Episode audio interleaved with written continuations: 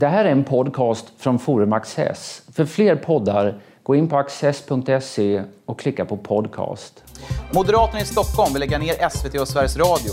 Och bensinupproret samlar allt fler människor. Och på söndag är det val till Europaparlamentet. Det här är panelen.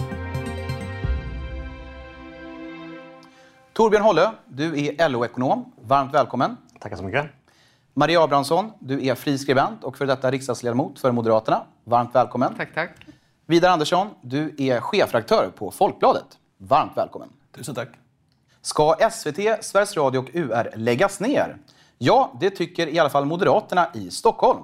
Det oväntade beskedet har gett nytt bränsle till public service-debatten. Och den kan sammanfattas som följande. Hur bör public service-bolagen organiseras? Hur omfattande ska finansieringen vara? Och viktigast av allt, kanske, hur ska uppdraget definieras? Vidare, håller du med Moderaterna i Stockholm? Nej, det gör jag inte. Och jag tror att det där är olyckligt för Moderaterna, alltså att man ger sig på en, en sån här fråga. Det finns, eh, jag menar, som alltid, anledning att diskutera mediefrågor. Och, och public service är en väldigt stor aktör och numera också helt skattefinansierad. Det är klart det ska diskuteras som allting annat. Men som moderat profilfråga och någonting sånt där kommer bara innebära att eh, partiet minskar och minskar och minskar. Alltså, eh, SVT och Sveriges Radio är väldigt uppskattade hos människorna. Och det finns en, ingen, ingen klangbotten alltså för att ta en sån diskussion och, och riva upp och göra stora förändringar. Man gick lite, lite för långt i det här förslaget. För från början var det att man skulle göra en genomlysning och sen så kom det ett tillägg från eh, Moderata ungdomsförbundet ja, i Stockholm som mm. la till den här. Men sen röstades det igenom också på, på Ja, precis. Och, och jag, jag, tänker där att eh, ett slags aktivism, om det börjar spridas inom Moderaterna, så är det väldigt olyckligt för Moderaterna. Alltså man behåller sig till de stora och tunga frågorna. Ja, det är inte min sak att göra, jag är inte med i Moderaterna. Men, alltså, men eh, jag tycker gärna att det är bra om vi har ett, eh, ett bra brett högerparti och matchar Socialdemokraterna. Det blir det bästa för Sverige. Maria, du har ju en bakgrund inom ja, Moderaterna. Nej, men jag kan väl säga så här att jag har ju varit med på den där typen av förbundsstämmor från staden och länet och jag tror till och med jag någon gång fick igenom en motion om att vi skulle avskaffa nämndemannasystemet men av det blev det inget.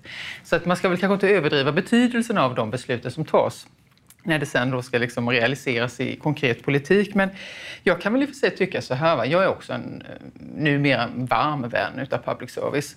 Eh, jag kan väl också ha synpunkter på däremot eh, utbudet. Eh, mycket pengar som går, 8 miljarder tror jag det handlar om, och med nya skattefinansiering så blir det ännu mer. Och det är klart att då bör man kanske ta reda på, eh, är det verkligen rätt saker som public service serva oss, allmänheten, med. Alltså jag gillar ju både kultur och liksom nyheter och även nöjen, absolut. Men ligger liksom avgränsningarna på rätt ställe? Kanske borde man se över trots allt eh, vad public service ska syssla med lite noggrannare nu när man får så mycket pengar. Så det är väl ungefär min ståndpunkt. Torbjörn, vad tänker du? Ja, jag tänker att eh, det, är klart att man måste kunna få diskutera public service, vad de ägnar sig åt. Men jag tycker det är olyckligt när politiska partier börjar peka ut att nu ska vi lägga ner P3 eller lägga ner eh, ditt och dutt. Eh, utan en, en bra diskussion ungefär som så här liksom om vilka prioriteringar man ska ha, det, det är ju helt rimligt. Men det, för det finns något hotfullt i det nämligen. Alltså när politiska partier börjar prata om att lägga ner, mm. som, jag inte, som jag tycker kände, kände lite tråkiga vibbar. Men jag tycker att det finns mycket man kan ha invändningar mot eh, public service. En invändning som jag har är att jag tycker det är alldeles för Stockholmsfixerat. Alltså givet då att eh, mycket pengar de har att röra sig med eh, så tycker jag att de borde vara bättre på att spegla vad som händer i Malmö, eller Göteborg eller andra större städer i, i Sverige. Så det är en invändning som jag har mot public service. Mm.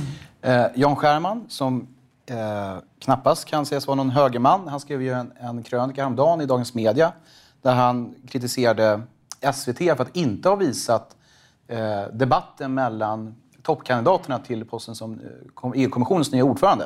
Och den här debatten visades alltså av nästan, om inte det var alla public service-bolag ute i Europa. SVT missade eller valde att inte visa det här, man visade hockey-VM istället.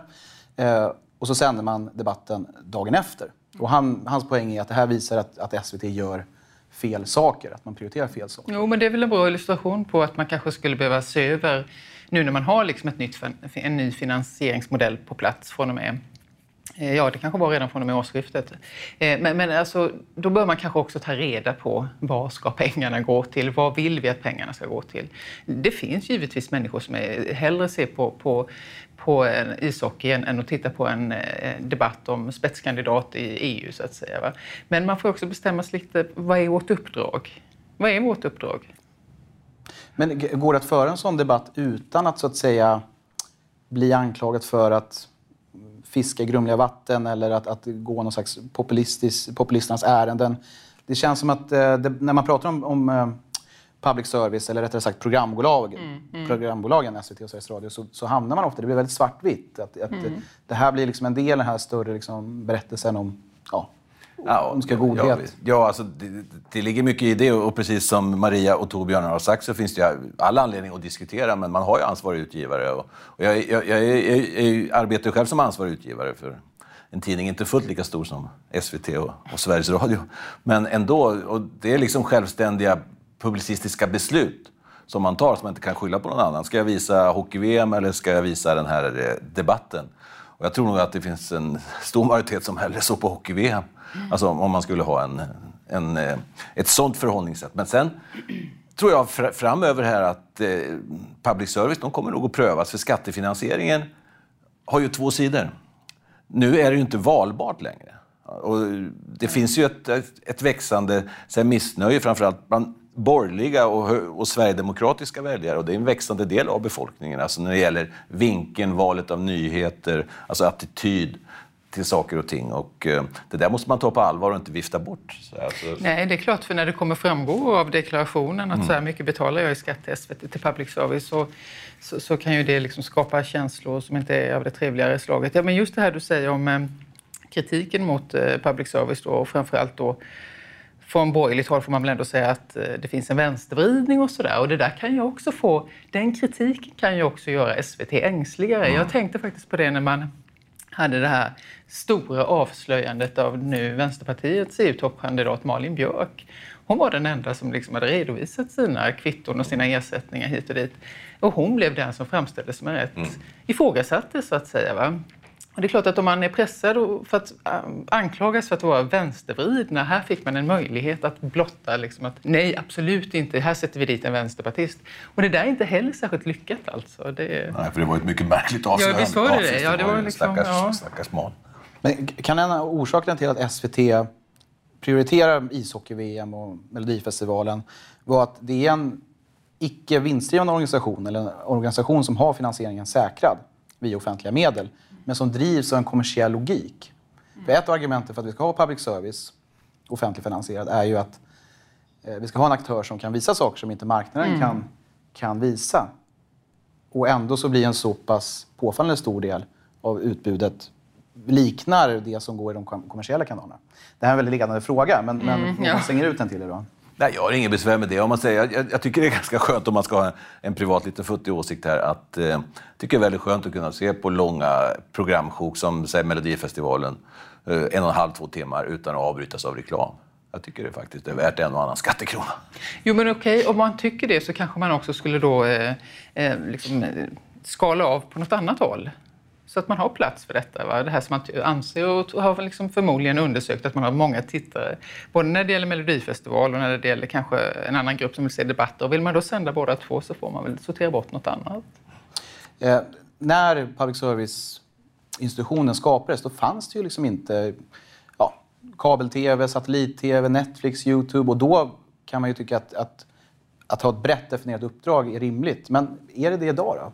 Ja, Ja, det, finns, det finns ett uttryck, if it ain't broke, don't fix it. Mm. Alltså jag, som, som jag tycker man ska använda sig av ofta mer i politiken. Och mm. det gäller väl även i någon utsträckning public service. Det, jag, men alltså, man kan ha olika invändningar mot hur public service gör på, på marginalen men i huvudsak så är det väl en, en väl fungerande institution som, som, som möter stor respekt och stöd från svenska folket. Eh, Ehm, men så min, min spaning är att de, måste akta sig för Stockholmssuccén. Ehm, de borde, jag tycker de borde överväga liksom att aktivt lägga ut mer programproduktion utanför Stockholm. Jag tror det skulle, SVT skulle må, må bra av det. Är det bara SVT, Sveriges Radio och UR som kan göra public service-innehåll? Nej, det är det nog inte. Och jag menar, framtiden får ju utvisa här hur det kommer att gå. För jag tror skattefinansieringen på några års sikt, eh, det kommer att utsätta eh, programbolagen här för eh, en ny situation och för ny press. Och eh, jag tror man, man, man, kan se, apropå det Torbjörn säger om Stockholmsfixeringen, man kan ju tänka sig att man får public service-uppdrag men som kan utföras av andra på andra håll i landet också. Jag menar, det, det, det, här kommer, det här kommer att visa sig. Men jag tror inte man behöver driva på det utifrån politiska partier och gör si, gör så. Utan det, det, här, det här kommer nog SVT och SR få möta i mötet med, med konsumenterna. Mm, jag tror väl i och för sig att public service är liksom ens, kommer vara ensam om att ha den här bredden just när det gäller nyhetsrapportering helt enkelt och liksom överblick över världen, även om man kan kritisera då för att det är för få utrikeskorrar här och där och så. Men däremot alltså sociala medier, bloggar, privata initiativ, Access kan mycket väl fungera och gör det också tycker jag som goda komplement. Eh, men att där lägga på hela den bördan, att ha det ansvaret att förse liksom allmänheten i Sverige med nyhetsrapportering, det tror jag nog bara public service kan göra. Tack för det. Nu ska vi gå vidare till nästa ämne. På rekordtid har Facebookgruppen Bensinupproret samlat över 600 000 medlemmar. Bakgrunden är det allt mer stigande bensinpriset som snart närmar sig 17 kronor litern. Är det här början på en större missnöjesrörelse eller kommer upproret ebba ut i tiden? Och vad säger detta om relationen mellan stad och land i Sverige 2019? Ja, Torbjörn, är bensinupproret här för att stanna tror du? Jag tror att bensinupproret fångar upp väldigt många intressanta fenomen. Ett fenomen är att breda grupper känner sig ekonomiskt eh, pressade. Och inte, och inte menar att de har blivit fattiga eller liksom lever under en ekonomisk misär utan, utan att man inte fått liksom den utväxlingen som man kanske hade förväntat sig. Och, det, och då tror jag bensinet är, bensinpriset är liksom en väldigt liksom uppenbar liksom symbol för detta och bensinen är naturligtvis bara en av många komponenter. Jag tycker mig se att många som är aktiva i bensinupproret är eh, ganska nyblivna pensionärer. Nu, eh, ja, åtminstone i den, ålderskategorin. Och, men det är, helt, det är så att alltså pensionärer har haft en väldigt dålig ekonomisk utveckling. Pensionssystemet levererar inte så som många förväntat att det ska leverera. Eh, de senaste åren så börjar vi få ganska knackig löneutveckling. Vi har liksom vi har liksom nu fått tillbaka 2% inflation samtidigt som löneökningen ligger på en bit över 2 Det innebär att det är inte mycket reallön att prata om. De här, jag tror de här perioderna med stora skattesänkningar liksom, de ligger bakom oss. Det finns inget sånt utrymme. Så jag tror egentligen att det kan fånga upp, eh, liksom en, en, fånga upp någonting som finns där ute. Som, som finns mer utanför storstäderna än i storstäderna som jag tycker är intressant. Mm. Maria, vad säger du? Ja, det jag har funderat lite på det är väl just detta att um varför måste bensinen vara så dyr? Varför? Och jag kan... Eh, jag gick tillbaka och kollade lite för att förbereda mig lite inför den här frågan. Jag kör inte själv bil. Va? Så jag, men jag noterade då att redan 2004 så, så var dåvarande finansminister Bosse Ringholm ute och han, då suckade han högt offentligt i tidningarna. Han suckade över att Miljöpartiet låg på och pressade hela tiden att vi skulle höja bensin och dieselpriserna. Eh, idag kan man väl säga att jag hörde Stefan Löfven kommentera det här uppropet då, eh, förra veckan. Eh, han lät ju inte, vågade ju inte ge ifrån sig någon suck över att det var som det var. Så att säga. Han såg det som en eh, ganska halvhjärtat förklarade ändå att det här är nödvändigt för klimat och miljöpolitik och så. Och han tyckte synd om dem på landsbygden, men att sänka bensinpriset var det ju inte tal om, så att säga, utan det måste lösas på annat sätt. Ja, och så kan man ju säga, men vad som, baktanken bakom det här tror jag, det är ju om vi ser bensinpriset 17 spänn per liter, hur mycket ja, det är skatteintäkter? Det är 10 spänn ungefär. Va? Drygt 10 som går rakt in i skatte, eh, skattkistan per liter. Alltså. Det är klart att man har inte råd att sänka bensinskatten. Den är så viktig för att kunna finansiera 73 punkts eh, överenskommelsen med Miljöpartiet, Centern och Liberalerna. Eh, och då, okej, okay, säg då det istället, men sen se till att kompensera då de som bor på landsbygden. Och hur gör man det? Ja, det finns ju många olika modeller. Jag menar, ett sätt är ju då reseavdrag för de som jobbar. Det, det får ju då pensionärerna ingen nytta av. Eh, man kan tänka sig utbyggnad av infrastruktur, kollektivtrafik eh, infrastruktur i meningen eh, bredband och annat och att man kan komma i kontakt med varandra. Men allt detta kostar ju också pengar. Är man beredd att betala det? I det här eh, upproret i Frankrike började ju med att eh, Macron höjde eh, skatten på diesel. Mm. Det var en viktig komponent i det hela i alla fall. Eh, är det här det första gången vi faktiskt ser ett tydligt pris för klimatomställningen och att det priset får liksom bäras oproportionerligt av en viss samhällsgrupp? Och vi kommer att få se mer av den typen av konflikter? Ja, möjligt. Men jag ser inte det här som någon del i klimatomställningen utan det är att staten vill ha in pengar helt enkelt. Och eh, det har ju varit mjölkko under ganska lång tid så att säga. Så det är inget nytt. Men det viktiga här tror jag är att man ser det som en sakfråga. Och, mm, jag, jag lyssnade på Stefan Löfven, han var i Norrköping här lite tidigare i veckan.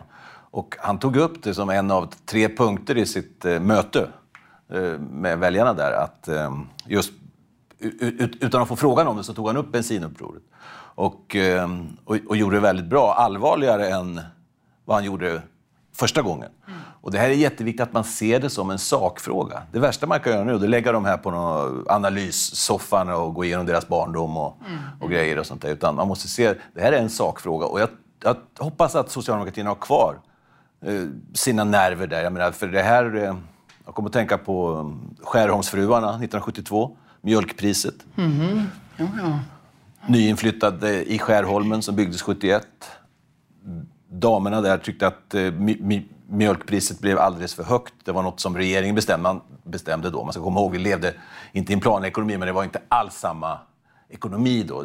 Staten bestämde mycket mer. Och eh, det där blev, eh, de hade marscher och det var flera hundra. De fick samtala med Palme Ingemund Bengtsson på den tiden. Och mot slutet av 1972 så fick regeringen ge sig och införa prisstopp som varade i tre år tror jag, mm. på mjölk. Någonting sånt där. Och bensinpriset är på riktigt.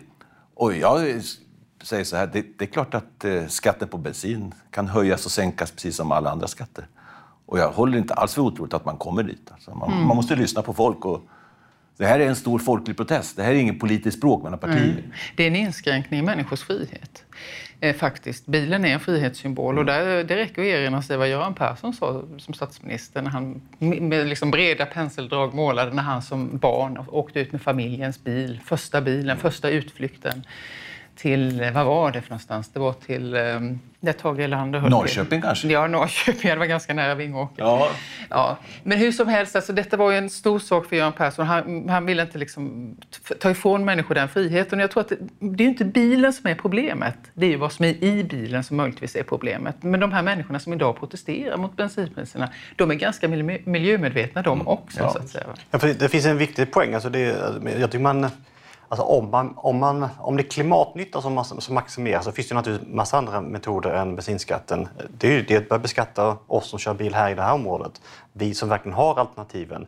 Här skulle man kunna smälla på betydligt mer med trängselskatter och avgifter för att köra in i, in i stan för att, få, för att få ner eh, utsläppen.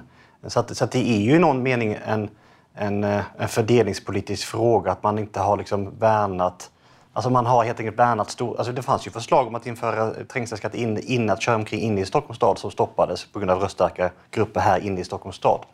Eh, så det är klart att, att det finns en stark fördelningspolitisk eh, eh, eh, underliggande dimension av detta. Och min uppfattning är att vi ska inte ha höjda bensinskatter mer, utan, utan det är storstäderna som ska betala, inte landsbygden. Mm. Ja, jag får bara säga det också, jag glömde säga det förut, apropå sådana åtgärder som man skulle, då skulle kunna vidta subventionerade elbilar.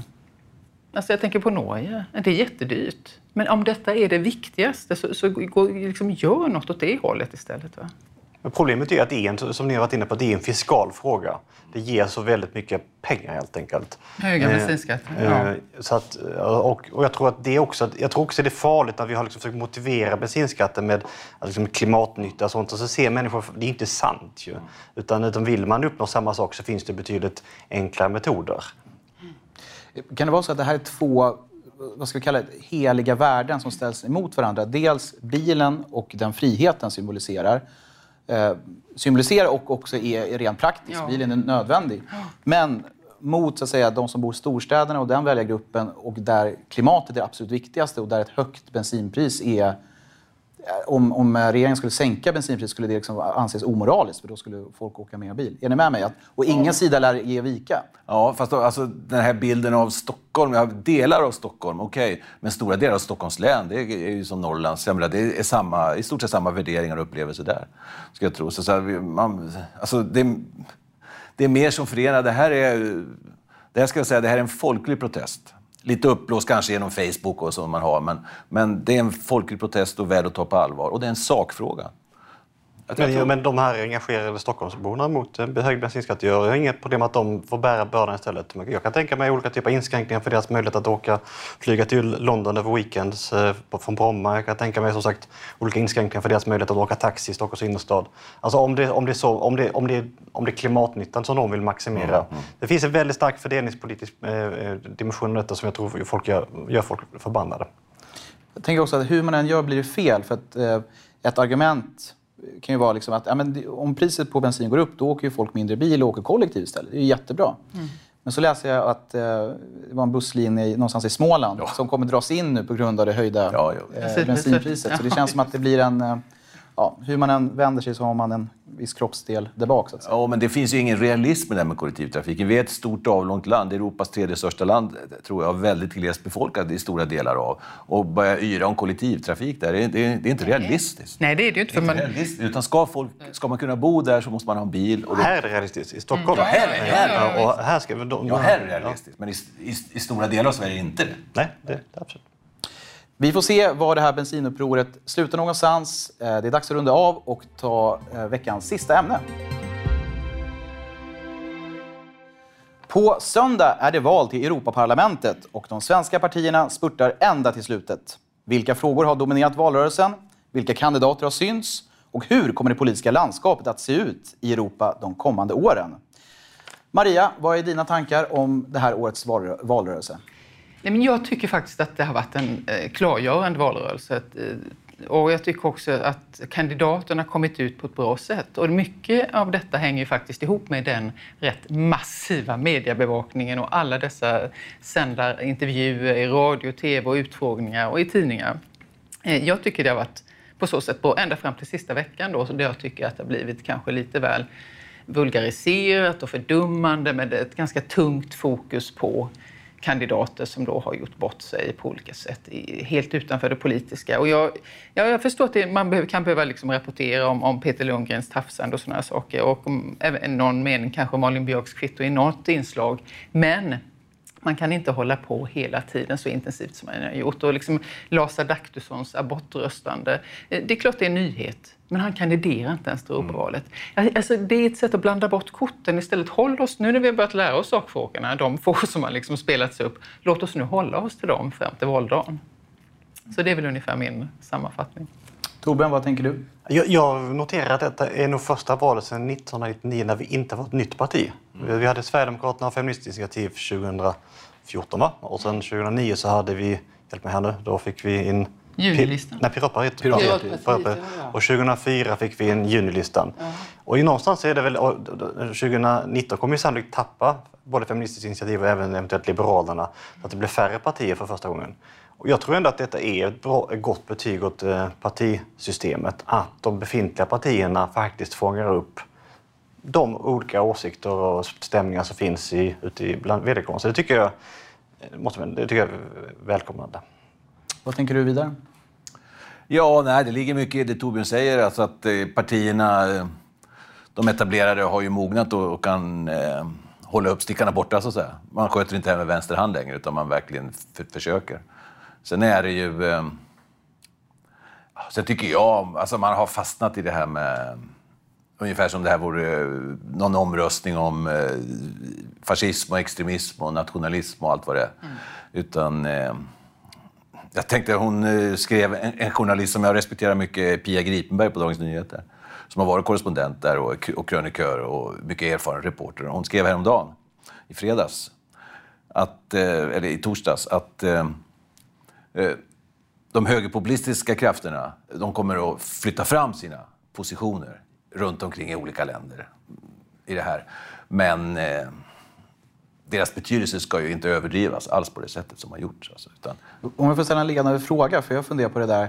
Eh, om det nu är ett stort ödesval som Europa står inför, har det reflekterats på partiernas eh, listor då? Liksom? Borde, borde man inte skicka mer profilerade namn? In, inte för att, att sänka någon av dem som står, står på listan, men för- förstår ni lite vad jag är ute efter? Nej, al- alltså, det ligger mycket i det också. Vad var det han sa, Mats Knutsson, på Aktuellt? Att startfältet är väl inte helt gnistrande. Så, I någon kommentar där. Samtidigt så är det inte, ska det inte heller beskrivas som att det, det är inte C-klass man skickar ner utan eh, det, det är möjligtvis snäppet bakom de främsta företrädarna. Alltså det är ju före detta ministrar och personer som har haft tunga uppdrag i riksdagen så att jag tycker nog jag tycker inte man ska ta ner allt för mycket liksom, med nivån på företrädarna. Tycker jag inte.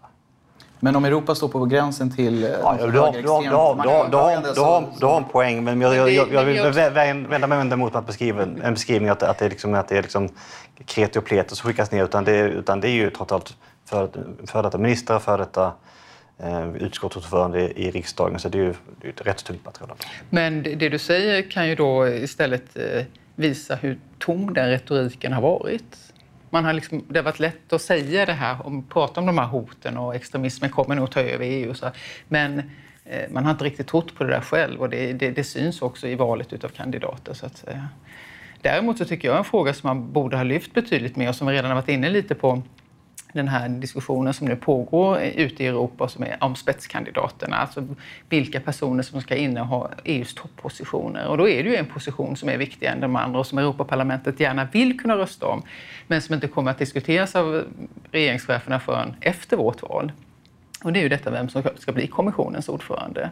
Och den personen kan ju få en väldigt viktig roll i just detta att motarbeta extremismen, om det är det det handlar om. Så att säga. Det är ju den personen som ska kunna liksom ta de länder som inte sköter sig i örat och kanske till och med konkret i bästa fall få ut dem ur EU, om man nu vill det. Men, men den diskussionen har vi ju inte haft i Sverige överhuvudtaget. Även om då parlamentet skulle få denna makten så är det ju de här människorna vi skickar ner nu som kommer vara med och rösta om det. Alltså det är ett, ehm, ett viktigt läge. Det är ett formativt läge här för Europeiska unionen som vi inte haft på ganska länge. Jag menar, stormakten, den riktiga stormakten faktiskt, vill ju inte vara med längre och håller på att ta sig ur med stora besvär.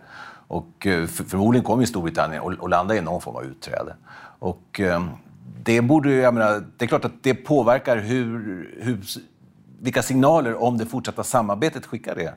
Och är den här mer radikala linjen som, närmast talar om någon form av eh, ja, snudd på möjlighet att utesluta vissa länder, gamla östländer där, som vi nyligen har fått in.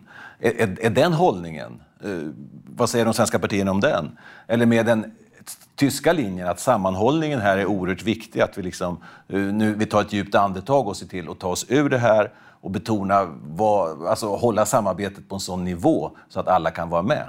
Att liksom den klassiska hållningen, man tar in länder som, jag menar, som inte har något demokratiskt förflutet att tala om och sen låter man det ha sin gång. Och det är en jätteviktig fråga för hela Europeiska unionen och därmed för Sverige. Eftersom medlemskapet i Europeiska unionen är så oerhört viktigt för Sverige och för vårt välstånd och vår välfärd. Håller du med Maria? Ja, jag håller väl med både och. Jag, jag tror jag förstår vad Vidar menar. Men det, samtidigt så tycker jag ju att har man nu liksom stolta eh, artiklar i EU-fördragen som talar om vilka grundläggande värden som kittar ihop länderna som är med i den här föreningen, eh, då kan inte några få bryta mot dem utan att det händer någonting. Va? Så det är väl min invändning då mot det resonemanget, att man måste ta på allvar sina egna stadgar så att säga. Va? Eh, sen kan jag väl i och för sig tänka mig att om Sverige nu vill göra något viktig insats framöver liksom för att hålla eh, hålla emot mot eventuell extremistisk utveckling eller sådär eh, i Europa och i parlamentet så är det väl då att, att faktiskt eh, lyssna in vad medborgarna säger och att inte liksom gå i bräschen för att göra EU större och starkare på områden som inte EU idag redan har. Va? Utan istället konsolidera det som har uppnåtts och se till att det funkar bättre brottsbekämpning, djurskydd och ja, allt vad det nu kan vara. Va? Men som sagt var, hålla emot alla federalistiska tankar, för det är inte vi mogna för. Medborgare är inte mogna för det. Förutom Frankrike kanske.